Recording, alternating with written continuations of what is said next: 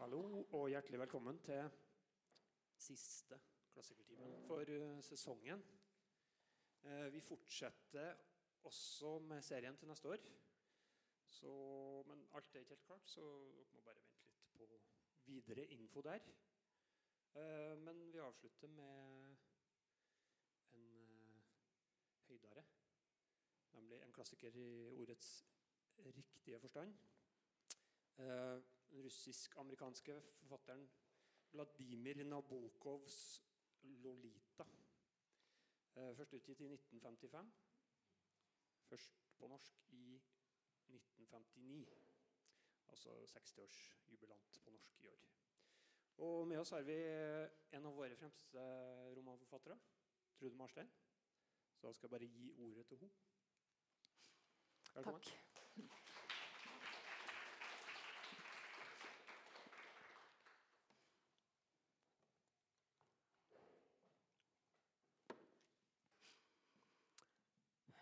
Ja.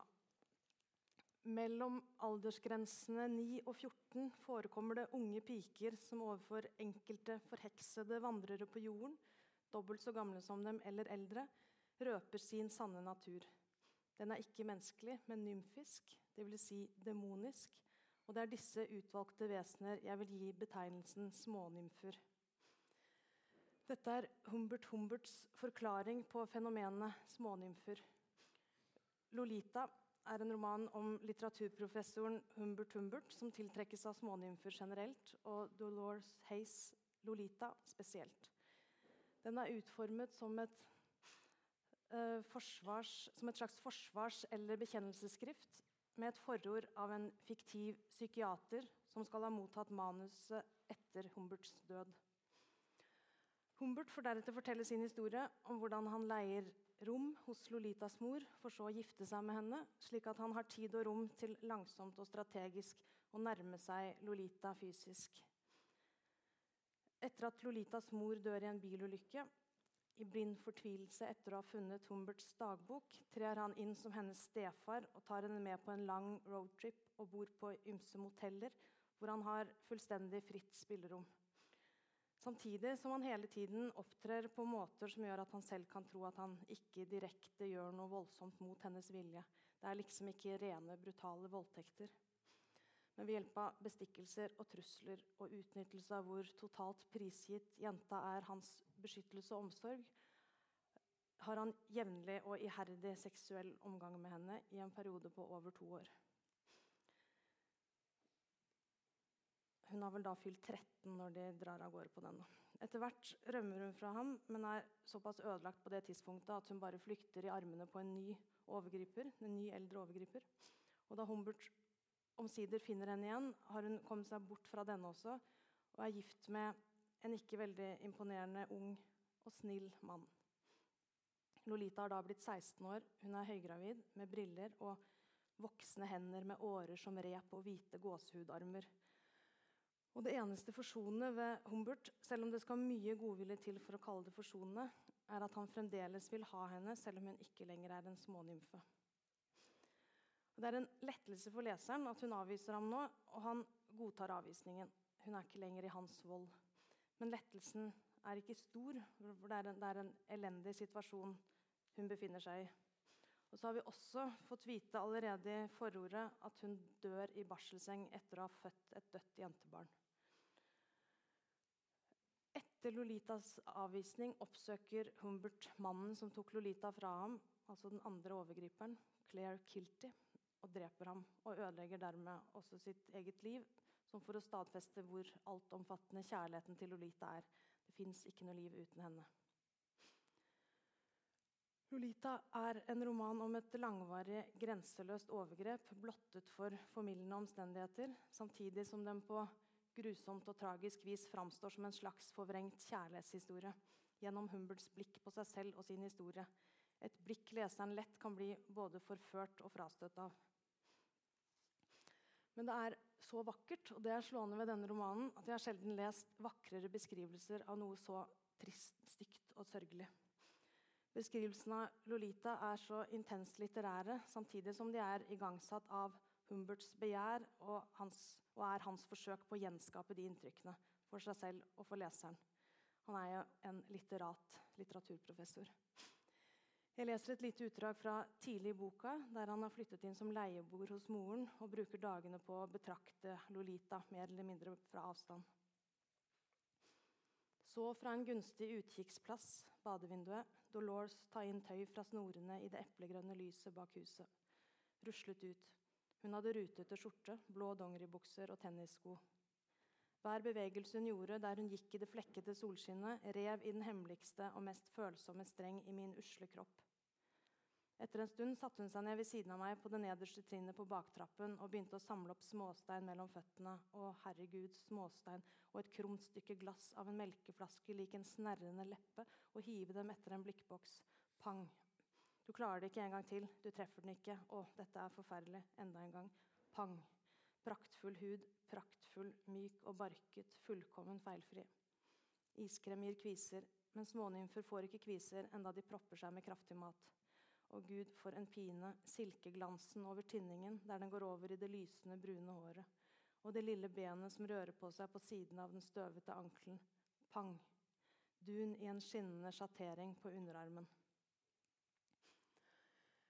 Lolita ble refusert av en rekke forlag før den ble utgitt på et som spesialiserte seg på erotisk litteratur og avantgardelitteratur i 1955.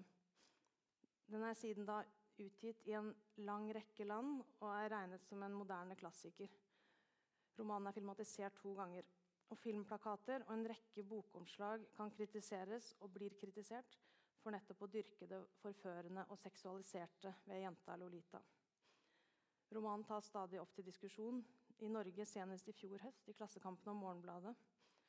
Og I den uenigheten som foreligger, er det likevel alltid bred enighet om at Lolita er et betydelig litterært verk.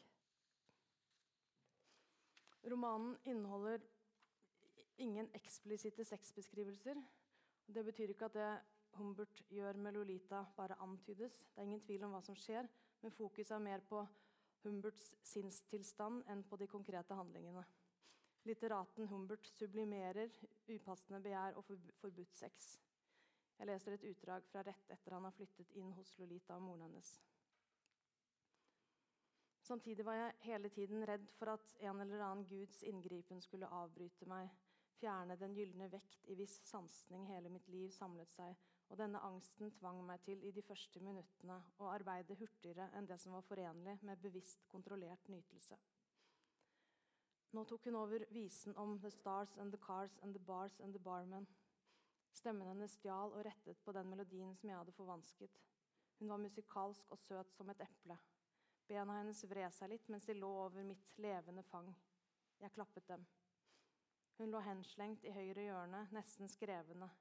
Lola, skolepiken, fortærte sin uforglemmelige frukt, sang gjennom eplesaften, løsnet tøffelen, gned hælen på den tøffelløse foten i den skitne sokken mot en haug magasiner som lå til venstre for meg i sofaen, og hver eneste bevegelse hun gjorde, hvert rykk og hver skjelving, hjalp meg til å forbedre det hemmelige system av følbart samsvar mellom skjønnheten og udyret, mellom meg, kneblede, bristende dyr, og skjønnheten i hennes smilehullskropp i den uskyldige bomullskjolen. Alt rundt Lolita beskrives med et blikk og en intensitet som er gjennomsyret av begjær. Nabokov bruker særlig lyset i disse beskrivelsene. Lolita tar inn tøy i det eplegrønne lyset bak huset. Hun rusler under solflekkene i hagegangen. Humbert står sammen med henne i speilets grønne bad, der det reflekterte oss og poppelen og himmelen utenfor. Og da han passerer henne i trappa. Jeg på vei ut, hun inn. Gjenskinnet av ettermiddagssolen, en blendende hvit diamant med regnbueskinnende spisser flammet fra den runde akterenden av en parkert bil. Et mektig almetres løvverk lot en mild skygge leke over husets sponkledde vegger. To popler sto og skalv og skaket. Mindre romantisk, men ikke mindre poetisk, er lyset mot slutten, etter et av et uendelig antall samleier på motellrom. Huden hennes glimtet i neonlyset fra parkeringsplassen utenfor gjennom persiennesprekkene. Humberts lidenskap kommer til uttrykk gjennom detaljerte beskrivelser av Lolita, hennes ansikt og kropp og væremåte. Beskrivelsene er ikke erotiske, Tvert imot er det et alminnelig og naturlig barn som beskrives, men med det intense begjæret som bakteppe. Fordi i seg selv uskyldige beskrivelsene oppstår det et større ubehag enn om beskrivelsene var åpenbart seksualiserte. Slik han ser henne, betatt av den naturlige barnligheten og selvsagte livsgleden han snart skal kvele Nei, slik, slik ser han henne, betatt av den naturlige barnligheten og selvsagte livsgleden han snart skal kvele, da han plukker henne opp på sommerleiren etter at moren hennes er død, idet de begynner sin reise sammen. Lolita vet ennå ikke at moren er død. Jeg lot hånden hvile på det varme, brune hodet og tok koff kofferten hennes.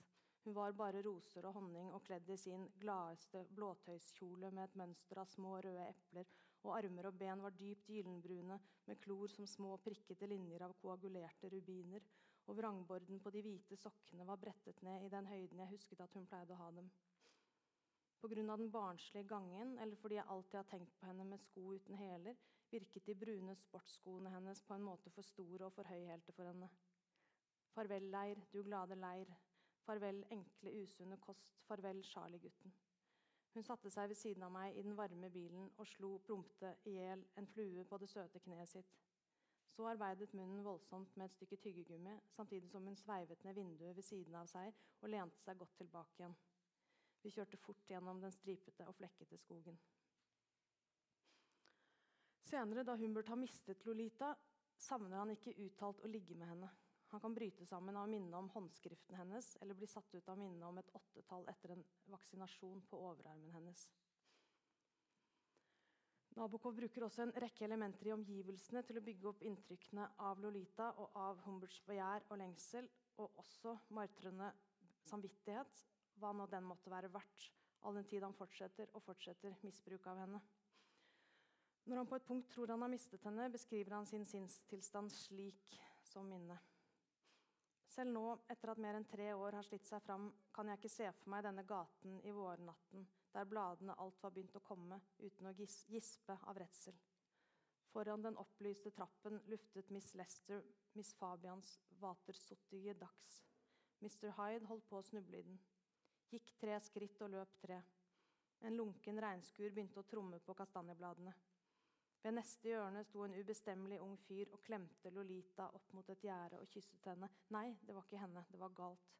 Med klør som ennå krafset, for jeg videre. Jeg var 19 år første gang jeg leste Lolita, og jeg hadde ikke lest altfor mye avansert litteratur på den tiden. Men det var skjellsettende å kjenne sterk fascinasjon og også empati for en voksen mann som begjærer en tolv år gammel jente. Og det har fulgt meg som det mest vesentlige ved lesing og skriving siden. Det å kunne gå nært og intenst inn i totalt fremmede perspektiver uten å anerkjenne eller gå god for eller ta tydelig avstand fra perspektivet. Gustav Flaubert sa om sin romanperson Madame Bovary, det er jo meg. Ja, Den mannlige, middelaldrende forfatteren bruker seg selv for å framstille den unge, naive Emma Bovary, som får lest på romantikk, er utro mot sin mann pga. et uutslukkelig behov for å oppleve stor lidenskap. Men Madame Bovary er mer og annet enn det et primitivt handlingsreferat skulle tilsi.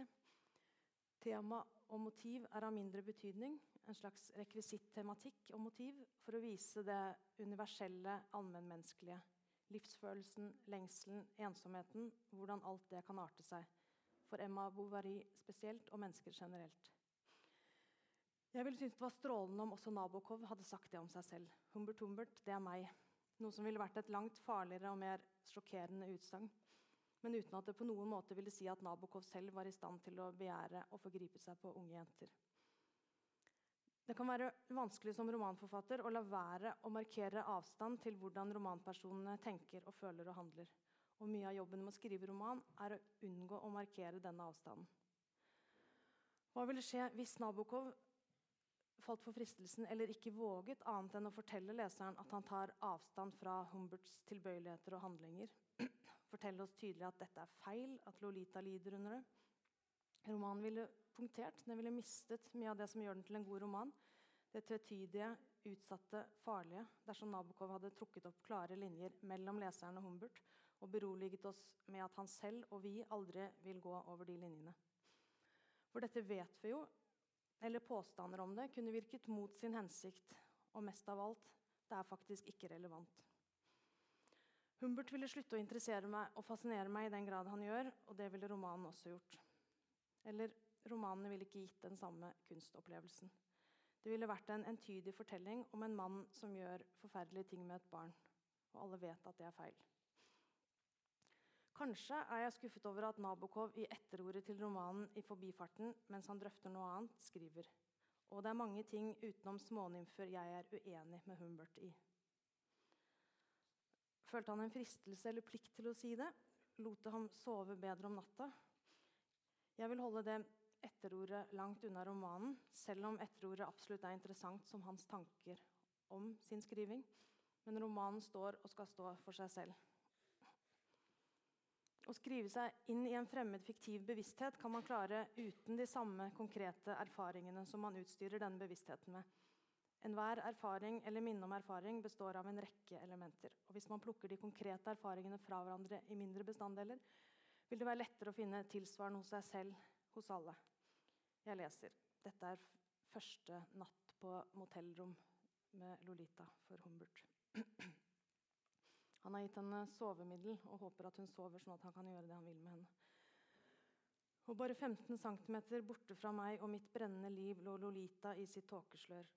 Etter en lang, urørlig vigilie begynte mine følehorn å famle seg over mot henne igjen, og denne gangen ble hun ikke vekket av den knakende madrassen. Jeg klarte å anbringe min grådige kropp så nær henne at jeg følte auraen av hennes nakne skulder som et varmt pust mot kinnet.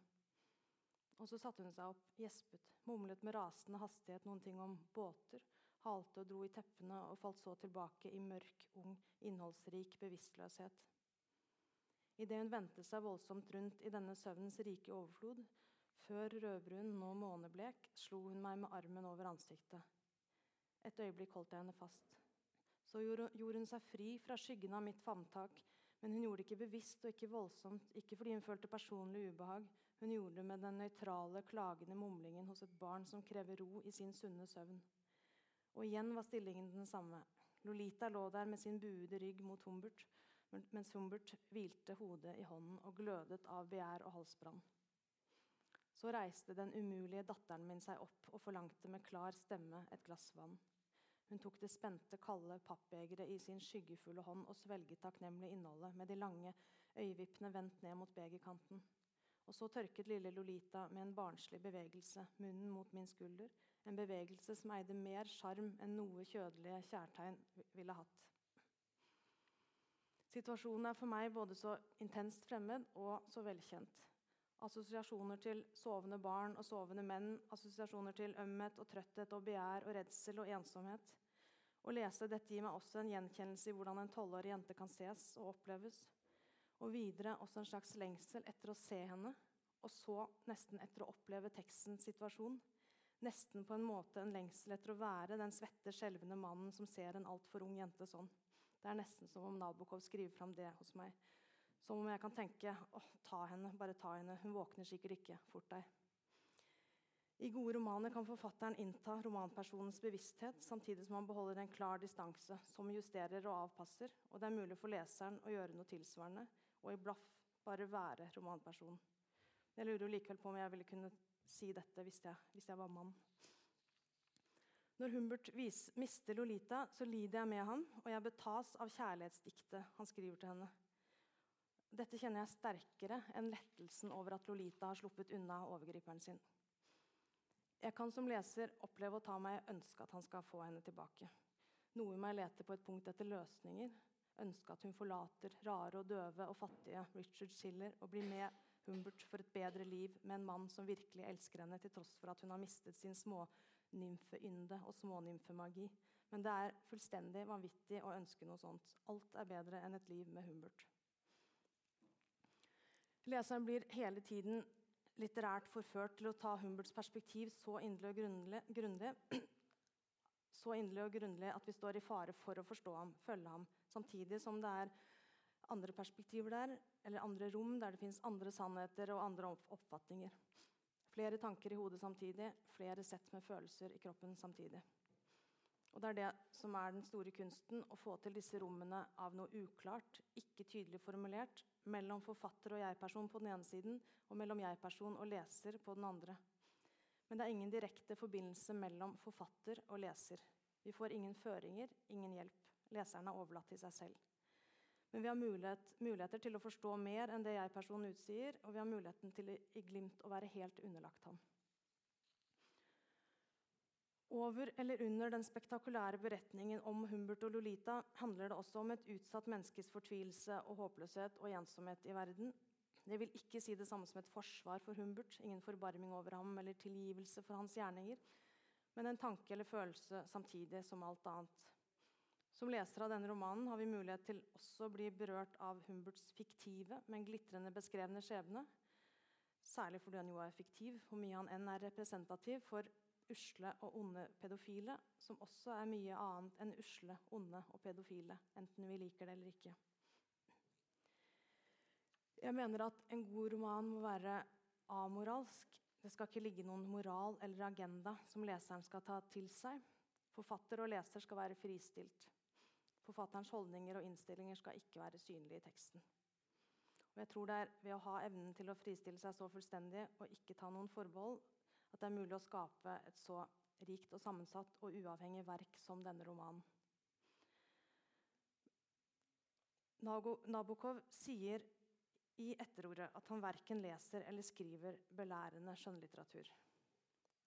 Jeg siterer For meg eksisterer et skjønnlitterært verk bare i den utstrekning det gir meg hva jeg rett og slett vil kalle estetisk salighet, dvs. Si en følelse av på en eller annen måte og på et eller annet sted å være i forbindelse med andre eksistensformer hvor kunst, nysgjerrighet, ømhet, vennlighet, ekstase er normen. Og Jeg skjønner at en sånn innstilling kan framstå som drøy, men for meg er det selvsagt at Nabokov ikke har ansvar for noe romanpersonen hans gjør eller sier eller tenker. Forfatteren har bare ansvar for at romanen er så godt som mulig skrevet. Men i slutten av forordet, ført i pennen av psykiateren John Ray, står det at boken skjuler alminnelig lære. Jeg leser.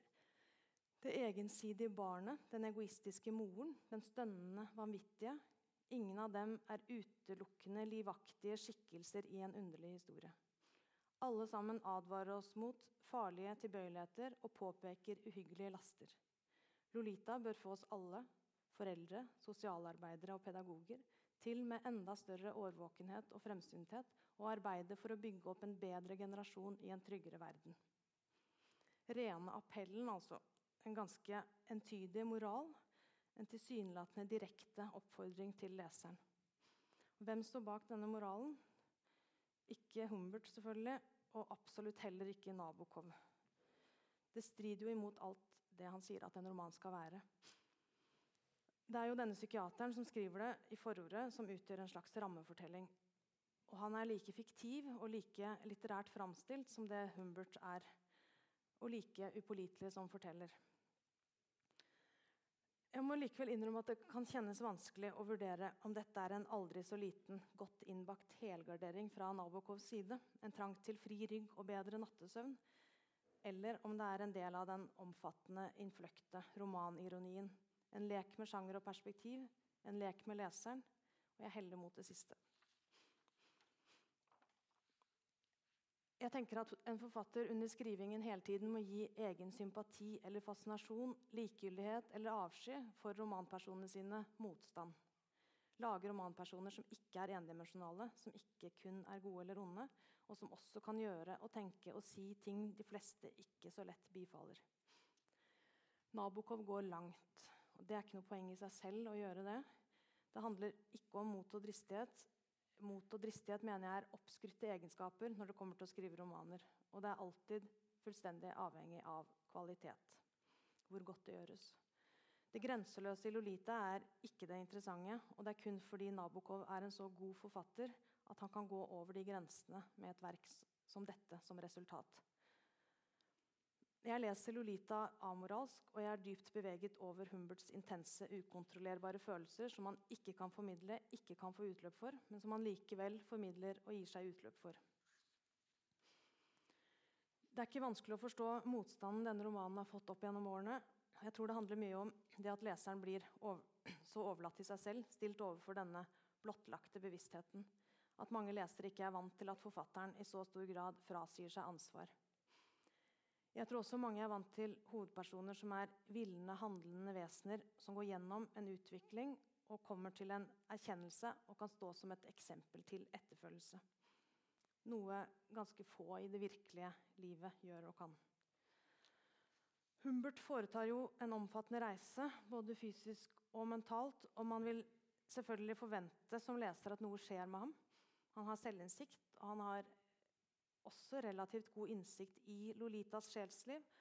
Og han erkjenner, delvis forsinket, dels i alle øyeblikkene, igjen og igjen, hva det er han driver med.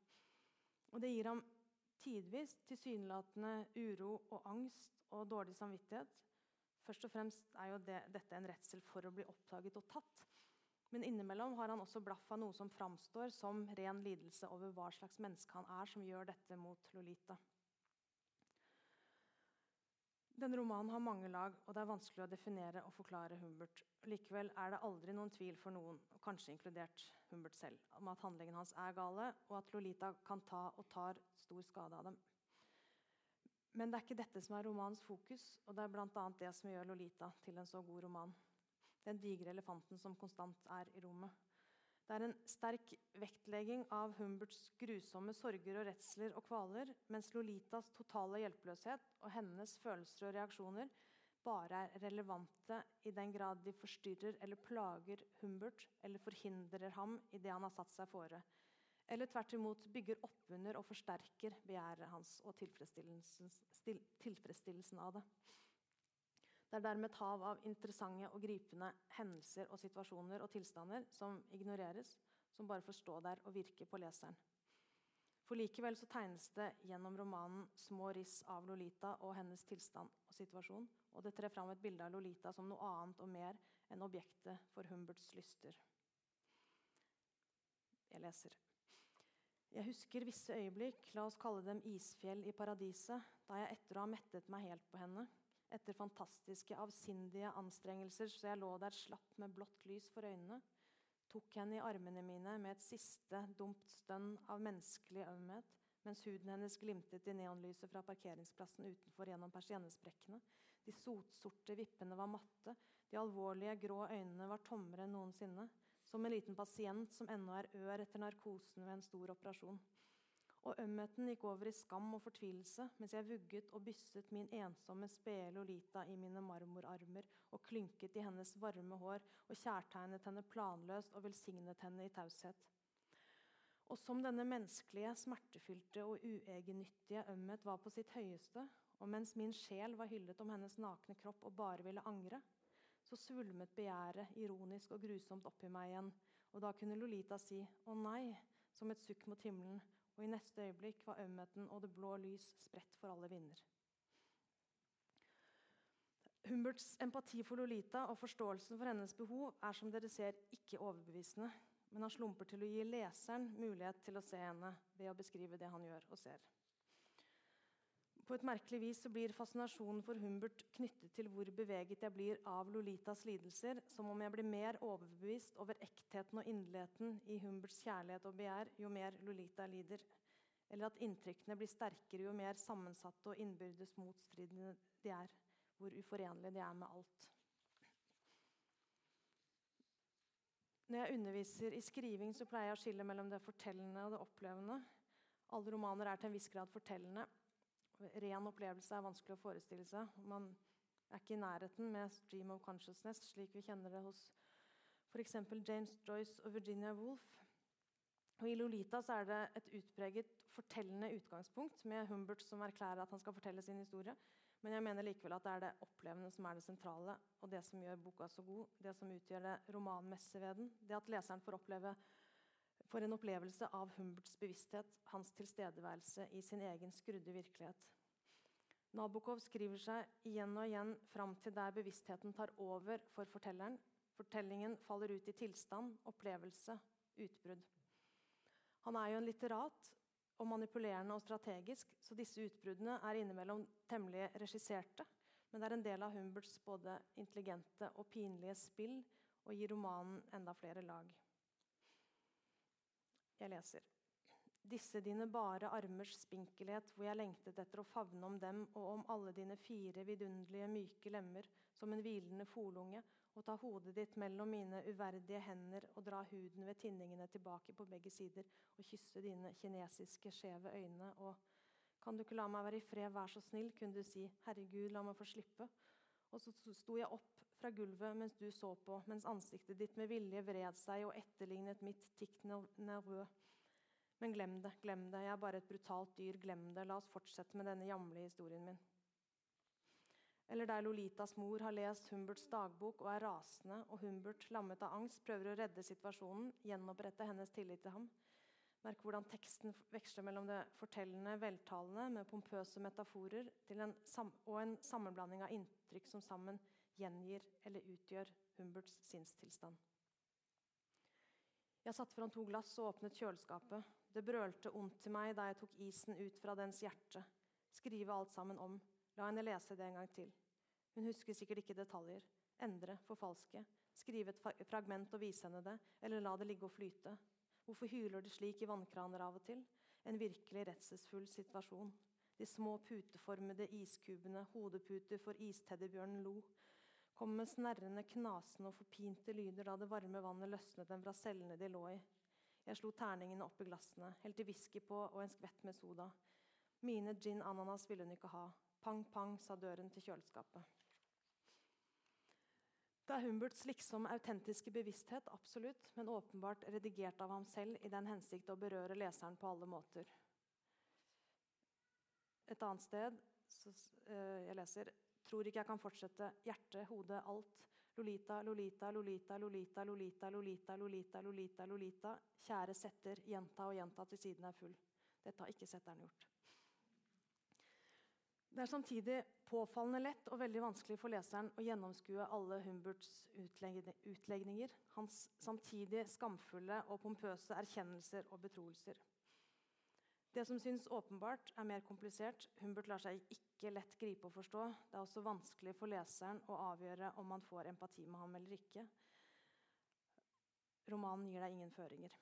Begjæret virker Eh, virker jo ja, tidvis knyttet til Lolitas fortvilelse, og begjæret holder han ikke for seg selv. Til tross for at teksten gir inntrykk av å være et bekjennelsesskrift, så merker man fort at det vel så mye dreier seg om et formidlingsbehov. Han ønsker at verden skal høre om Lolita og hvordan han hadde henne i sin besittelse over lange tidsperioder. Hvor intenst han nøt henne, og hvor mye han led over hva han gjorde med henne, og over å miste henne. Den første lidelsen mindre overbevisende og mer poserende enn den siste. Humbert kommer stadig inn på smerten i smerten han har påført Lolita, men kanskje er smerten over hvor lite han har betydd for henne, enda større. Jeg leser et sitat fra der han oppsøker henne høygravid hjemme hos sin Richard, eller Dick. Lolita snakker her om overgriper nummer to, Claire Kilty, som hun rømte til fra Humbert før hun senere traff Dick. Som jeg sier, hun snakket. Ordene kom nå i en befriet strøm. Han var den eneste mannen hun hadde vært vill etter noen gang. Hva med Dick? Og Dick var et lam, og de var ganske lykkelige, men det var noe annet hun tenkte på. Og jeg hadde naturligvis aldri betydd noe. Hun så på meg som om hun ennå først fattet det utrolige og litt kjedelige, forvirrende og unødvendige faktum at den fjerne, elegante, slanke, 40 år gamle, svakelige mannen i fløyelsjakken ved siden av henne hadde kjent og tilbedt hver pore og hvert hulrom i hennes ungpikekropp. I de nøkterne, grå øynene, så fremmede bak briller, speilet vår arme kjærlighet seg et øyeblikk. Der ble den gransket og så avfeiet som en kjedelig episode, som en landtur i regnvær der bare kjedelige mennesker er med, som en banal øvelse, som en liten inntørket søleklatt på hennes barndom. Det er åpenbart at han mye heller vil at hun skal lide enn kjede seg ved tanken på deres forhold. Dette er på side 272 i romanen, mot slutten. og På dette tidspunktet er leseren så utmattet og både frastøtt og motvillig forført av Humberts manipulering og posering at det tar tid før det siger inn hvor uhyrlig han er, hvor lite han har forstått av hva han har drevet med disse årene. Vår arme kjærlighet. Her er det plutselig Lolita som er hjerteløs. Mot slutten presenterer Humbert sin tilsynelatende erkjennelse av skyld i flere etapper. Etter alle beskrivelser av kjærlighet og lidenskap skal leseren nå ikke være i tvil. Det henger stykker av marg fast i beretningen hans, og blod og blanke, grønnblinkende fluer. Men hva hjelper all verdens erkjennelser? Det er ingen steder i romanen det er mulig å utlese at han angrer. Og hvor er fokuset hans? På det forferdelige han har gjort mot Lolita, eller på, på hvor forferdelig det får ham til å føle seg? Han forsøker nok mest av alt å appellere til publikums medlidenhet med ham, eventuelt deres fascinasjon, og ja, kanskje mest deres fascinasjon. Blodet og margen som henger fast i beretningen, er nok hans eget, neppe Lolitas. I så fall ville han ikke tatt med de grønnblinkende fluene.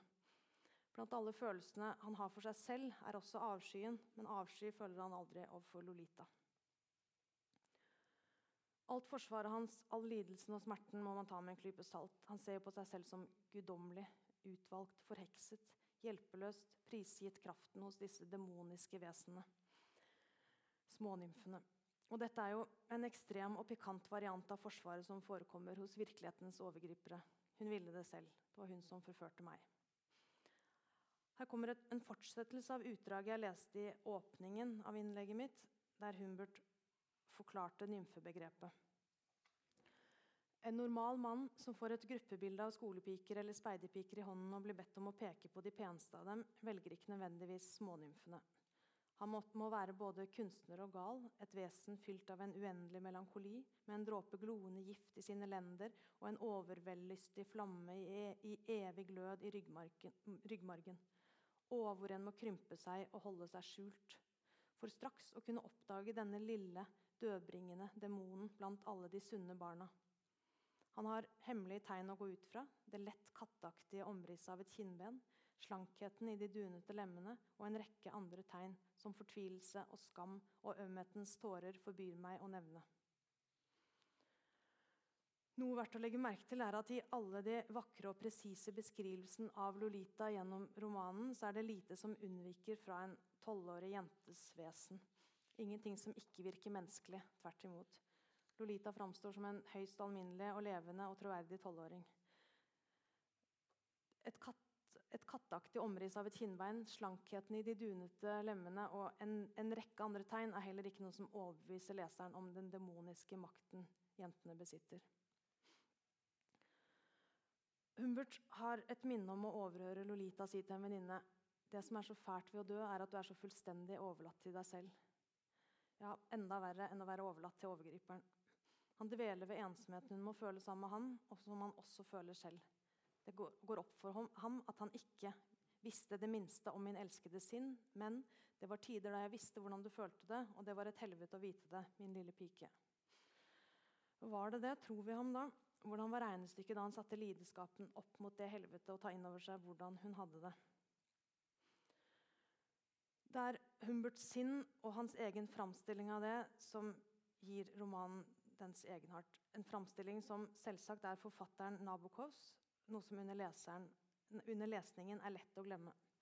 Humberts beretning er litterær, vakker, og samtidig innimellom uutholdelig pompøs og sentimental og selvopptatt.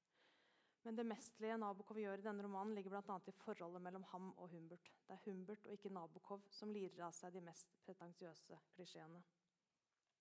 Humbert er skamløs både når det gjelder de kyniske, brutale egenskapene og de sentimentale, patetiske, selvdyrkene. Han har alle odds mot seg når det gjelder å få leserens empati. Og likevel, kanskje fordi jeg ikke på noen måte blir forsøkt overtalt til å like ham, og fordi det er vanskelig å ikke tro på ham, men prøver han ikke å forføre leseren gjennom sitt forsvarsskrift? Det gjør han, men også på temmelig subtilt vis, siden han hele tiden er så voldsomt ærlig med seg selv. Han ber om å bli foraktet og forhatt, og da er det kanskje noe mindre sjanse for at han blir det. Fordi Humbert ikke legger skjul på at han er et monster, så senker leseren kanskje forsvarsverket og blir overrumplet av en empati med den stakkars, ensomme fyren som elsker så håpløst. Det er utmattende lesning. Hovedproblemet, Humberts, ikke romanens, er jo at det er hans lidelse, ikke Lolita, som står i fokus. Og dette er den tragiske begrensningen i intelligente og reflekterte, men akk så egosentriske Humberts innlevelse i Lolitas skjebne. Det stopper i egen lidelse over lidelsen han påfører henne. Han skiller knapt mellom smerten over å ha mistet henne og smerten over å ha ødelagt henne, bortsett fra i ett, sitt klareste øyeblikk, da han etter å ha drept rivalen Claire Kilty tenker tilbake på en gang like etter at Lolita hadde forsvunnet for ham, hvor han stopper og går ut av bilen for å kaste opp og høre lyden av barn som leker. Jeg sto der på min høye stein og lyttet til denne musikalske sitringen, til disse blink av frigjorte rop med en slags alvorlig roping som bakgrunn, og da forsto jeg at det håpløse og bitre ved det hele ikke var at Lolita var fjernet fra min side, men at hennes stemme ikke var med i denne samklang. Dette ligner jo en erkjennelse av at han har ødelagt Lolitas barndom, dratt henne ut av barndommen, så å si. Men det er ikke noen grunn til å tro at dette er en varig erkjennelse hos Humbert. Dette er helt på slutten av romanen og kan gi inntrykk av en endelig erkjennelse av skyld og anger. Men det er bare et minne og en rekke av hans utgytelser i kronologisk tid etter dette motbeviser erkjennelsen. Da forsto jeg, påstår han, men etter denne tilsynelatende erkjennelsen oppsøkte han Lolita og forsøkte å bønnfalle henne om å forlate sin unge, døve ektemann og leve resten av livet med ham. Og også i slutten en selvtrøst, en usannsynlig egosentrisitet i følgende utdrag. Hvis ikke det kan bevises for meg at det at i det uendelige løp spiller det ikke den minste rolle at en nordamerikansk småpike ved navn Dolores Hays er blitt berøvet sin barndom av en gal mann. Hvis ikke dette kan bevises, og kan det bevises er livet en spøk, ser jeg intet annet som kan kurere min elendighet enn det mel melankolske og meget lokale, beroligende middel som den artikulerte kunst er. Det er så kokett og så selvhøytidelig. Hvis han har ødelagt barndommen hennes, som han opplagt har, og det skjønner han selv, så vil han likevel kunne få sin elendighet kurert ved hjelp av kunsten. Det er ingenting formildende i Humberts framstilling, selv om den bærer preg av å være et forsvarsskrift. Forsvaret er generelt. Humbert er åpenbart av den svært lett fordekte oppfatningen at opplevelsene hans er for vakre, kunstneriske, litterære til at de kan være onde. De myke, fine drømmelandskaper jeg listet meg gjennom, var poeters arvegodser, ikke terreng der forbrytere lusker omkring, sier han. Og et annet sted poeter myrder aldri. Og Innimellom sluker jeg det ufrivillig rått. Det er jo slik jeg opplever det når jeg leser. For vakkert til å gjøre vondt, lesningen som lyst. Men samtidig selvsagt med vissheten om at det ikke er jeg som gjør disse tingene. Det er ikke jeg som tillater dem eller unnlater å forhindre dem, og jeg vet at det er fiksjon. Og Noe av gjenkjennelsen jeg opplever når jeg leser Lolita, er en ensom lengsel etter noe umulig. Kanskje etter noe som ikke fins, eller noe som ikke kan deles med andre. Noe som ikke kan formidles. Noe som har sammenheng med kunstopplevelsen. Humbert lukker alt ute for å kunne gjennomføre sitt prosjekt. Hele samfunnet, verden, virkeligheten, lover og regler, og ikke minst lidelsen til barna han har i sin besittelse. Kjærligheten til og begjæret til Lolita er alt, det eneste som betyr noe. Det fins ikke annet. Og hvordan kan han da la være å være i det når det ikke fins noe annet? At det ikke fins noe annet, er selvfølgelig ikke sant, men den vilt upålitelige fortelleren er overbevisende. Forelskelse er psykose, og Humberts store kjærlighet er ikke annet enn en skrudd og pervers forelskelse slash begjær, uvanlig sterk og hensynsløs, iherdig forsøkt løftet opp på et høyere nivå, som så mange har forsøkt med sine forelskelser, og mange har lyktes. Til syvende og sist handler det om kunstnerens evne til å opphøye forelskelsen og forføre leseren. Det du trenger, er ikke styrken i forelskelsen, du trenger en god forfatter. Og Humbert har Nabokov. Humbert trenger ikke, og kan uansett ikke bruke, leserens forståelse og godkjennelse og medlidenhet. Alt som betyr noe, er å besitte Lolita. Det eller ingenting. Humberts framstilling, å gå inn i alt dette igjen i fengselet, er den eneste måten han nå kan være nær henne på. Det nærmeste han kommer henne. Slik avsluttes romanen. Jeg tenker på urokser og engler, fargestoffer som aldri forsvinner, profetiske sonetter, kunstens tilfluktssted. Og dette er den eneste udødelighet du og jeg vil kunne dele, min Lolita. Jeg kjenner forbindelse mellom opplevelsen av Humberts begjær og kunstopplevelsen, men jeg vil ikke på noen måte gjøre Lolita til en allegori. Jeg vil beholde henne i fiktivt kjøtt og blod, som objekt i leseropplevelsen. Vakker, kokett, sårbar og ødelagt, med stikkelsbærlegger, rødmarmorerte håndflater, kvikksølv i foldene over magen ved bassengkanten og med de alvorlige, tomme og grå øynene og hulkingen om natten. Hver natt, hver eneste natt fra det øyeblikk Humbert lot som han sov. Tusen takk til Trude Marstein for et uh, fint Takk for foredrag. Tusen hjertelig takk.